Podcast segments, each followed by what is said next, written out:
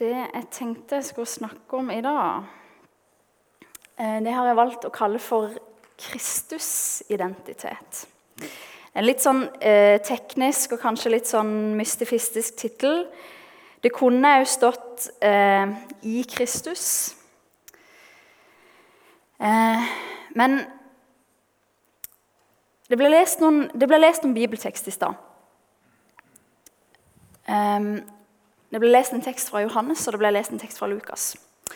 Og Den teksten som ble lest fra Johannes, der eh, snakker Jesus han snakker sammen med noen jøder. Og Han sier til dem at um, sannheten skal gjøre dem fri. De begynner å spørre han og lure på ja, men vi, vi er Abrahams ett, vi har ikke vært slave.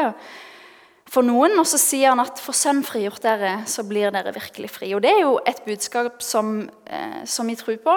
Eh, vi har allerede sunget noen lovsanger som sier noe om dette, eh, om friheten vi har i troa på Jesus. Men så ble det lest et annet vers fra Lukas 9, 23, der Jesus sier at eh, dersom noen vil følge med, så må han fornekte seg sjøl og hver dag ta sitt kors opp og følge etter meg. Er kristendommen frihet? Eller er det ei tvangstrøye? Finner jeg meg sjøl, eller mister jeg meg sjøl når jeg blir kristen? Er jeg mest fri hos Gud, eller er jeg mest fri borte fra Gud? Jeg vet ikke om du har stilt deg sjøl det spørsmålet noen ganger. Jeg har stilt meg sjøl det. Og jeg har òg mange eh, noen ikke-kristne venner som har spurt meg Hvorfor gidder du egentlig å være kristen? Er det ikke bare liksom et, enda et ekstra sett med regler som du må forholde deg til? Kristendommen anklages veldig ofte for det jeg nettopp nevnte. Den anklages for å være en tvangstrøye. Den anklages for å være et slags jerngitter som, som ikke tillater mennesket å på en måte leve fritt, utfolde seg fritt uttrykke seg fritt.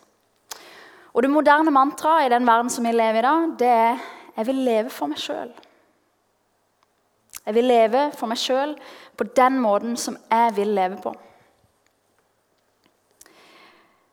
Og I den talen så skal vi snakke litt om dette. Identitet. Hvem er jeg egentlig? Det er sånne grunnleggende spørsmål som vi stiller oss, og som vi stiller oss flere ganger opp igjennom livet. Og I begynnelsen av Bibelen så møter vi Eva og Adam. Og Vi blir fortalt at de var de første menneskene. De ble skapt av Gud, og de var satt i hagen og levde der i harmoni sammen med Gud. Men så vendte de seg vekk fra Gud. Jeg vet ikke om du har tenkt på det, men har du tenkt på at før syndefallet så var ikke selvtillit eller identitet det var ikke et problem. Eva og Adam var på sett og vis ikke lost og hadde liksom ikke sånn behov for å finne seg sjøl. For de var trygge i at de kjente Gud, og at de var kjent av Han. De var jo trygge overfor hverandre, ettersom livet på en måte ikke handla om å overgå hverandre i gjerning og prestasjoner, men det handla om å gi ære til Gud og om å hjelpe hverandre. Men etter syndefallet så endra dette seg. Etter at Eva og Adam vendte seg vekk fra Gud, og sånn som alle vi vender oss vekk fra Gud, så ble på en måte identiteten den ble forankra i noe nytt. Den ble forankra i selvopphøyelse. Det var egentlig nesten som om du muterte. Du muterte fra en lovprisning og en eh, forherligelse av Gud til en lovprisning av mennesket. Og En klok mann som heter C.S. Lewis, som kanskje noen har hørt om, som har skrevet Narnia-bøkene og en del andre kristne bøker han sier noe om dette her. Han sier at eh, den dagen du blir klar over deg sjøl som deg sjøl, og Gud som Gud, så ligger det alternativet der å velge deg sjøl eller Gud som sentrum av livet ditt. Når noen andre skal bestemme over meg, hva skjer da? Vi kan ta neste bilde. Der står det noen bibelvers. I Galaterne 2,20 så står det sånn her Jeg korsfester med Kristus. Jeg lever ikke lenger sjøl, men Kristus lever i meg. Og det livet jeg nå lever, som menneske av kjøtt og blod, det lever jeg i troa på Guds sønn, som elska meg og ga seg sjøl for meg. Og i Johannes 10,3.: Portvokteren, portvokteren åpner for ham, og sauene hører stemmen hans. Han kaller sine egne sauer ved navn og fører dem ut. Jeg lever ikke lenger sjøl. Jeg eier ikke meg sjøl. Noen eier meg. En hyrde eier. Jeg er som en sau som styres hit og dit. Det er noen som navngir meg. Hyrden gir meg et navn. Dette er bibelske ideer. Men vårt samfunn den vender seg vekk fra en sånn tanke i avsky. Den forkaster en sånn tanke.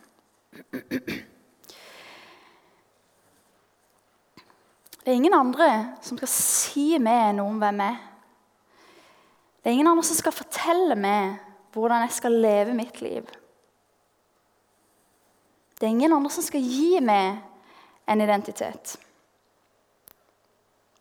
En sånn tanke det oppleves som noe undertrykkende noe. Som noe forferdelig noe. Hvorfor er det sånn? Jo, fordi i det vi kaller for tradisjonelle kulturer. Det er sånne kulturer som vi finner i eh, mye av den østlige delen av verden, og òg i vår egen kultur, hvis vi går en del tiår tilbake. Så ble man egentlig gitt en identitet. Man ble gitt en rolle eh, og en plass. Og det gjorde at en òg fikk en følelse av eh, hvem jeg er, og hva jeg er satt til å gjøre og en følelse av betydningsfullhet fordi den rollen jeg har, den er eh, nødvendig. Og Sånn her var det fordi at tradisjonelle kulturer de, de, er ikke individualistiske. Det handler ikke om den ene og meg, men det handler om fellesskapet. Og I sånne kulturer så er på en måte det eh, heroiske eller riktige å gjøre, det å undertrykke eh, Ikke undertrykke, egentlig, men eh, tilpasse sine personlige ønsker i samsvar med det som er aller best for fellesskapet. Men vår kultur, den som vi lever i i dag, den er ikke bare annerledes, men den stikk motsatt. I dag så blir vi fortalt du må søke inn i deg sjøl for å finne ut av hvem du er. Du må ikke la noen andre definere det. Må ikke la noen andre si noe om hvem du er. Og det heroiske er nærmest å egentlig gjøre det motsatte av det som forventes av deg. Du må ikke tenke på hva familien din eller samfunnet eller vennene dine eller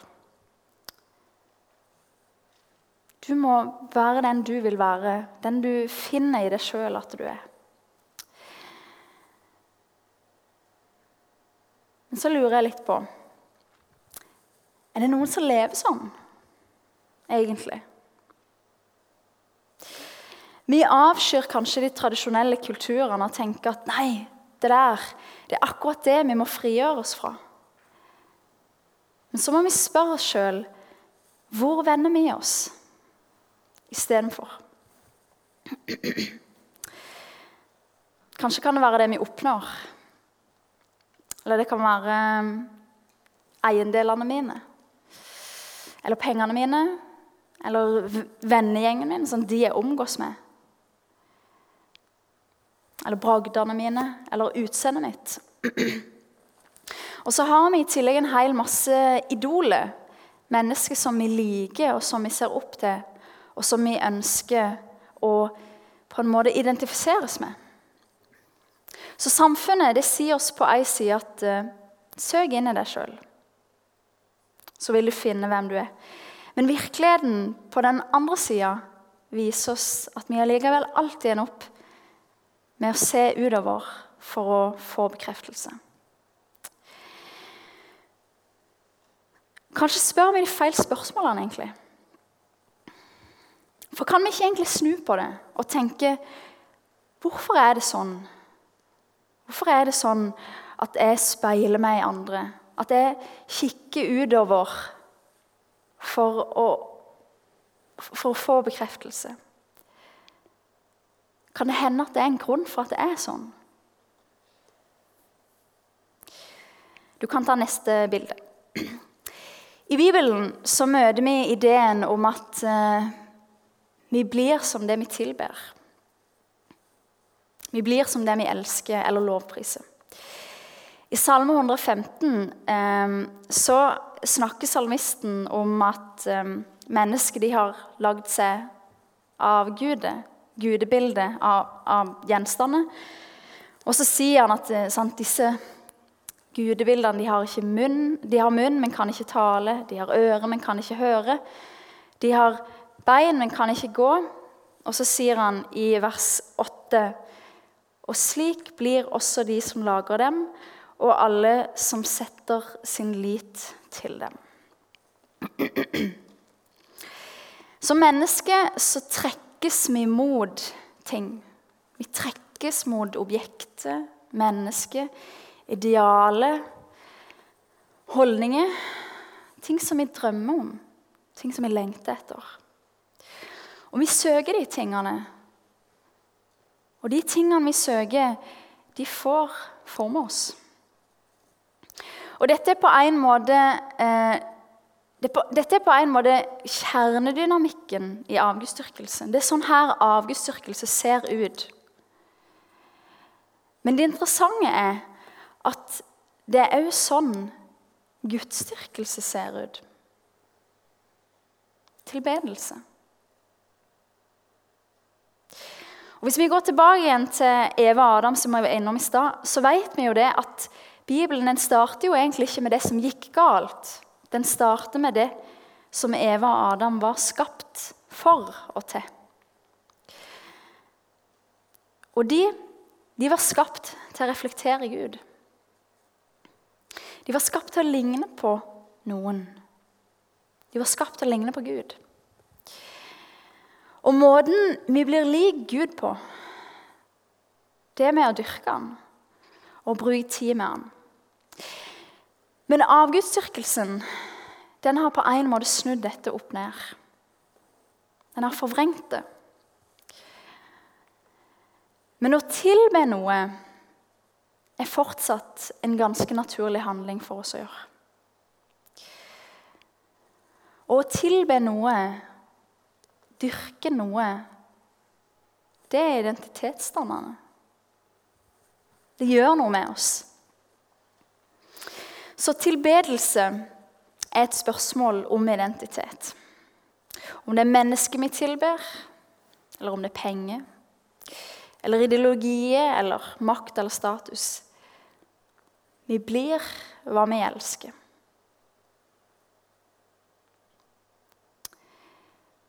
Så spørsmålet om identitet det handler på en måte ikke om vi skal forkaste den tanken om at vi aldri formes av noe utenfor oss sjøl. Vi må heller erkjenne at vi gjør det, og ta tak i det. Og så må vi spørre oss hva vil jeg skal forme meg? Da kan du ta neste bilde. Men hva skjer når vi tilber noe annet enn Gud? Hva skjer når vi gjør det som, er, som C.S. Lewis nevnte? At vi f.eks. velger oss sjøl som sentrum av livet vårt, og ikke Gud.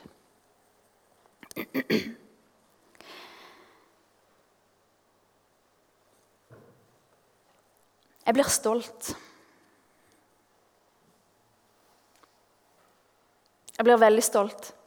Og jeg blir egoistisk. Og jeg setter alle ressursene mine inn på å hevde meg sjøl. Og vise meg ære verdt. Og vise meg ærefull. Da kan du ta neste bilde. I Galaterne 5,19 så står det Det er klart hva slags gjerninger som kommer fra kjøttet. Hor, umoral, utskeielser, avgudsdyrkelse, trolldom, fiendskap, strid, sjalusi, sinne, selvhevdelse. Jeg har sagt det før, og jeg sier det igjen. De som driver med slikt, skal ikke arve Guds rike. Og Så sier du kanskje ja men, ja, men jeg gjør ikke sånne ting. Jeg gjør, jeg gjør ikke sånne ting. Nei, det kan hende. Men jeg tror at er målet attraktivt nok, så gjør du det. Men dette gjøres ikke bare og med, og det, jeg tror jo at, men at dere kjenner igjen i det. Det gjør oss ikke bare stolte og egoistiske, det gjør oss òg sårbare. Det gjør oss forferdelig sårbare. Fordi vi ser rundt oss, og så ser vi alle de som er bedre enn oss. Ser alle de som er rikere enn oss, mer populære, mer suksessfulle. De som får til de tingene som vi er så glad i å få til. Det er noen som får det til enda bedre enn oss. Og Tilber vi skjønnhet, så er på en måte alt vi greier å se, det som er skjønnere enn oss. Tilber vi penger, så er alt vi ser, de som har mer penger enn oss. Og Tilber vi makt, så er alt vi ser, de som har mer makt enn oss, eller de som vil ta fra oss den makta vi har. Skape og skape, forme og forme. Tjene og tjene, fikse og pynte. Men det blir aldri nok. Fordi jeg kan alltid optimalisere med mer i morgen. Jeg har alltid et potensial. Og når jeg aldri har nok, eller aldri er nok, så har jeg den perfekte oppskrift på depresjon. Avgudsdyrkelse det er egentlig å plassere noe på tronen som ikke hører hjemme der. Og Siden vi er skapt til å ligne på Gud, men Han ikke får forme oss, så blir vi i stedet likt med det vi tilber. Det skapte som vi tilber. Og Det er dette Bibelen kaller for synd. Men den kaller det òg for et slaveri. Og Jeg sa i stad at vi velger det. Men dette er ikke egentlig noe vi bare velger, sånn at vi òg kunne valgt det vekk. Nei, vi er faktisk født sånn. Bibelen sier noe om det. At vi er født inn i dette.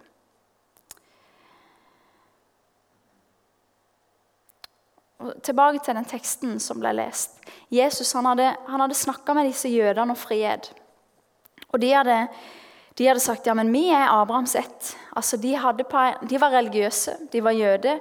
De hadde ytre sett alt på stell. Eh, de, vi, hadde, vi hadde rett religion og de riktige læresetningene. Men så si, og så spør de Jesus hvordan kan du si at vi skal bli fri. Og jeg tror vi stiller oss det samme i dag. Hva, hva, er egentlig slave under? Eller hva, hva, er det jeg trenger frihet fra? Hvordan kan du si at vi skal bli fri? Og Bibelen den forteller oss at vi er slave. Slave under synden. Og at det infiltrerer på en måte alle deler av livet vårt. Hvis du tar neste bilde. Dette er noen tekster som, som, eh, som sier oss noe om om hvor dette kommer fra. Og denne synda Bibelen har et annet ord for det òg. Eh, altså det er nærmest som en identitet. ikke sant? Bibelen kaller det for den gamle naturen. Eller det gamle mennesket. Og den identiteten den fikk vi den dagen vi ble født. Dette er noen vers som sier noe om det. Sånn som Adams synd det ble alles synd. Og Det som skjer i synda, det er at vi vender oss vekk fra Han som er livets kilde. Og så vender vi oss vekk til døde ting. Og så blir vi faktisk vi blir mindre lik oss sjøl av å gjøre det. Mindre menneske. En fisk, for å bruke et litt banalt eksempel kanskje En fisk er fri når den er det den er skapt til å være, og gjør det den er skapt til å gjøre. Den ville være ufri om han var på land. Den er fri når den er i vann, svømmer rundt, spiser alger og småfisk og gyter når han skal det. Og det er det samme mennesket. Et menneske er fri når det er det det er skapt til å være, og gjør det som det er skapt til å gjøre. Men synda og djevelen ønsker å forføre oss og friste oss til å gjøre ting som gjør at vi blir noe vi ikke er skapt til å være. Og gjør det vi ikke er skapt til å gjøre. Og Derfor sier Bibelen det at den som, er, den som gjør synd, den er slave under den synda. Og Så forteller Bibelen så at vi er slave under Guds lov.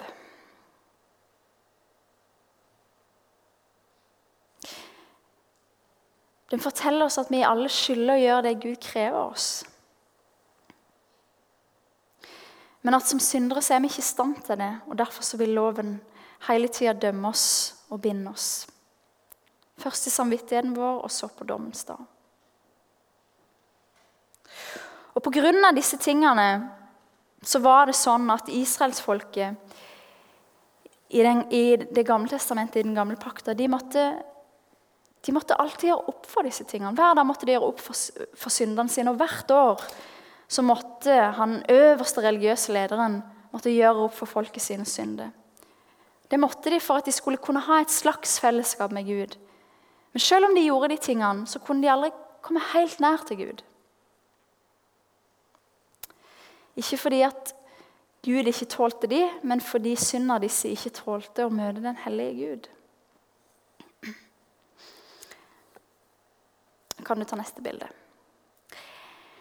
Men Bibelen den forteller oss noe mer. Bibelen den forteller oss at Gud ønsker å gi hvert menneske en ny identitet.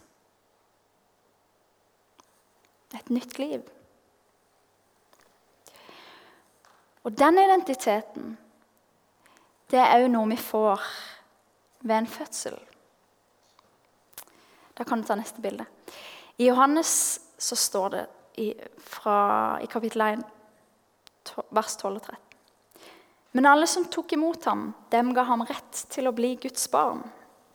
De er ikke født av kjøtt og blod, ikke av menneskers vilje og ikke av manns vilje, men av Gud. Vi er født av Gud, og derfor er vi òg barn av Gud. Og vet ikke om du ha merke til det, men på en måte kan være det tilfeldig, men så tar de versene på en måte de to kulturene jeg snakket om i stad, veldig på kornet. Det handler ikke om de tradisjonelle kulturene og ble, den identiteten du blir gitt når du blir født inn i en familie, inn i et fellesskap. Men det handler heller ikke om å skal forme en identitet sjøl. Av manns vilje. Nei, dette er noe du blir, du blir gitt det.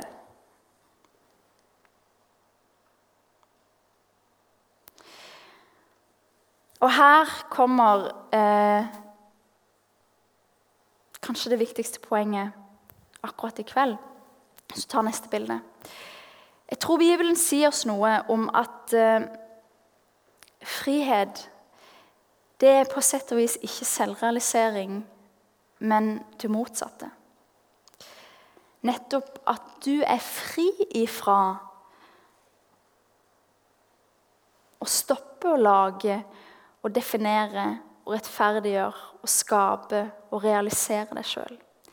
Friheten er at du har blitt gitt en identitet.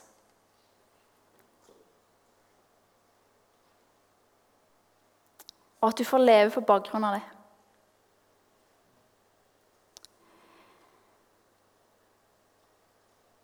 Og Den eneste måten du kan få den på, det er at du får han.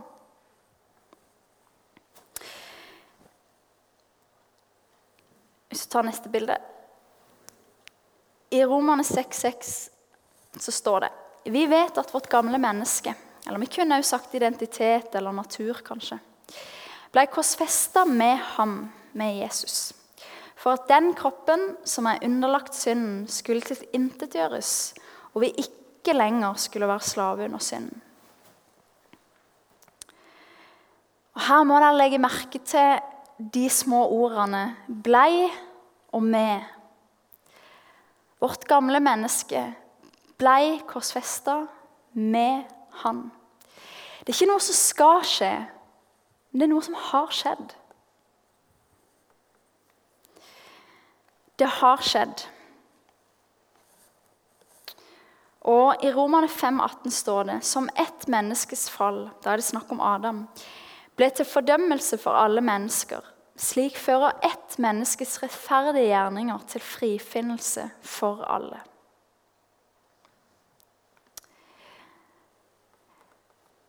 Den nye identiteten vi får, det bygger ikke på våre egne prestasjoner. Det bygger ikke på oppnåelsene dine. Det bygger ikke på gjerningene dine. Det er bare noe du blir gitt. Som menneske så får vi ta imot Jesus, for å komme til tro på han. Og når vi gjør det, så går vi fra død til liv. Vi går egentlig fra å stå tiltalt til å bli frikjent. Til å være skyldige, men til å bli erklært uskyldige.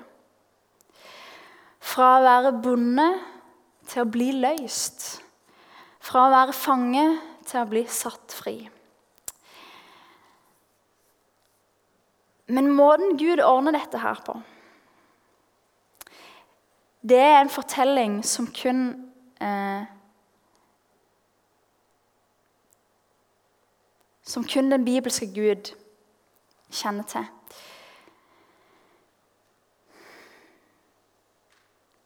For når Gud på en måte løsner rebene fra deg, hvis vi skulle kalt det det, så binder han en annen.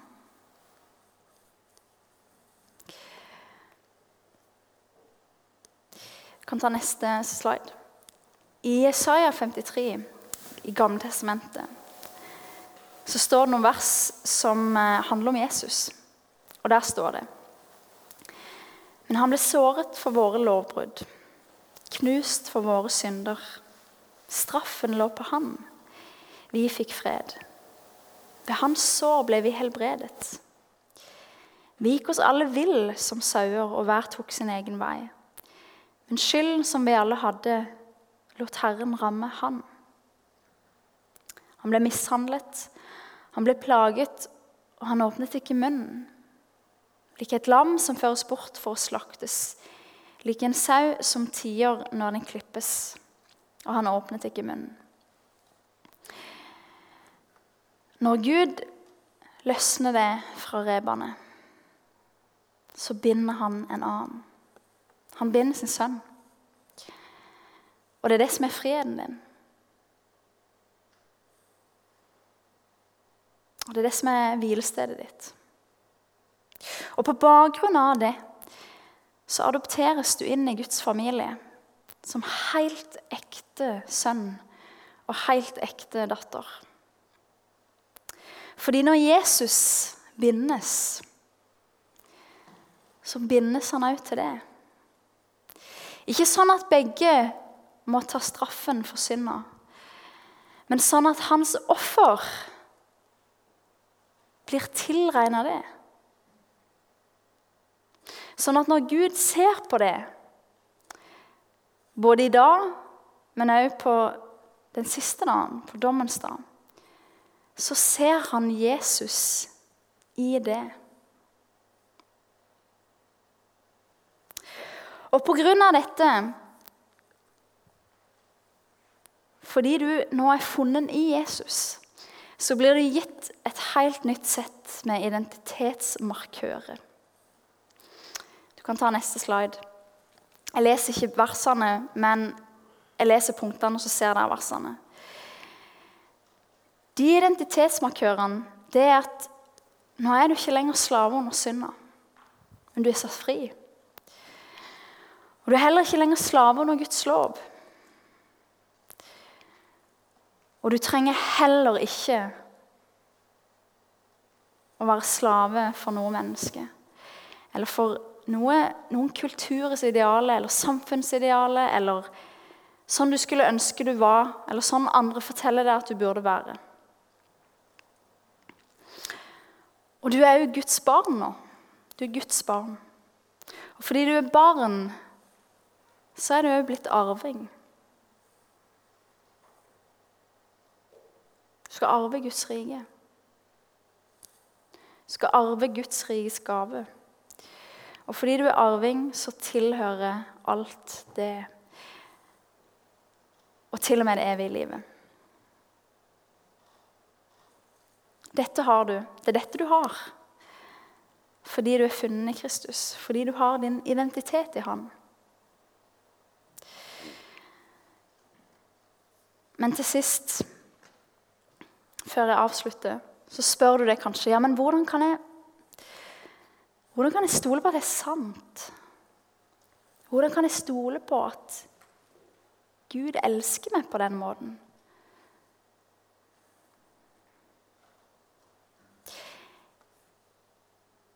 Det kan du fordi Jesus har bevist det for deg. Jesus har bevist det for oss med den friheten han oppga for vår skyld.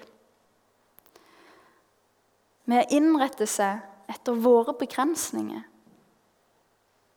Med å bli lagt bånd på på mange vis.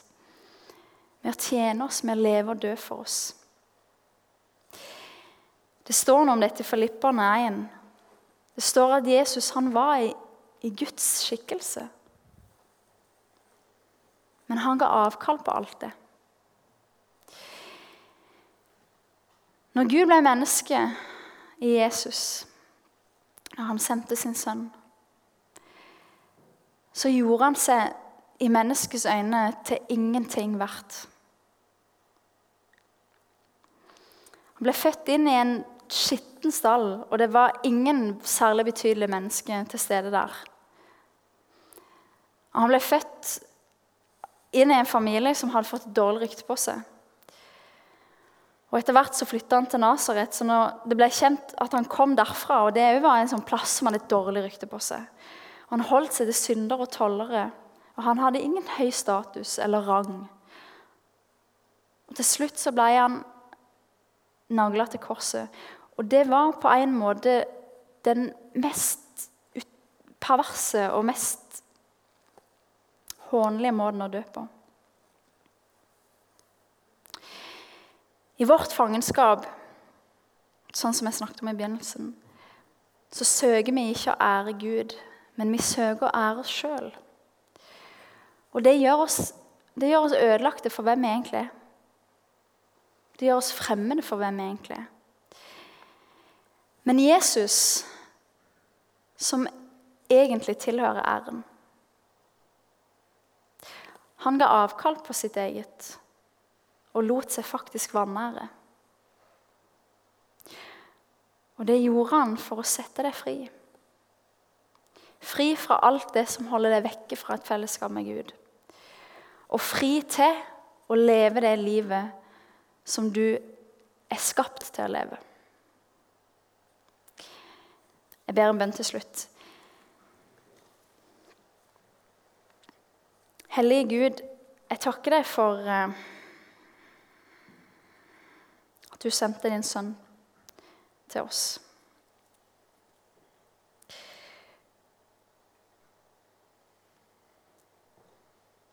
Jeg takker deg for at du valgte å Gå inn i den lidelse som du gjorde for vår skyld.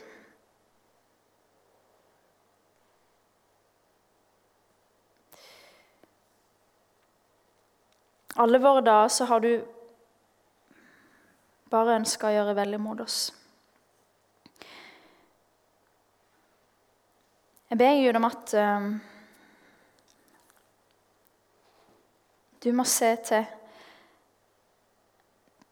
den som er her inne, som kjenner seg bonden.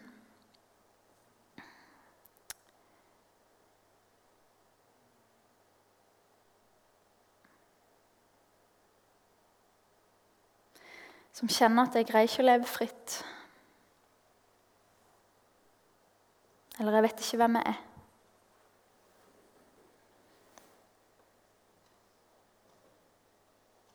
Som kjenner seg bonden av synda, eller som kjenner seg bonden av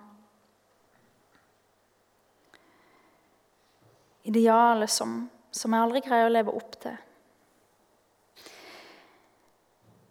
Jeg takker deg, Jesus, for at ordet ditt til oss i møte med livet, i møte med alle de områdene vi, ikke, vi kjenner at vi ikke strekker til på